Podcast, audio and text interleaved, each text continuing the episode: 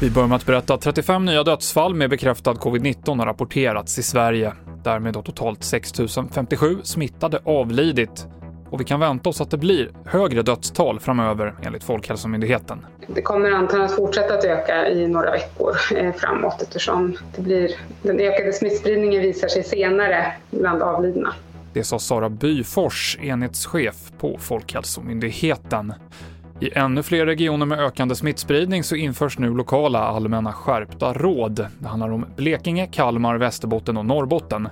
Förutom saker som att undvika kollektivtrafik och att inte anordna fester så uppmanas det till att undvika resor mellan Norrbotten och Västerbotten.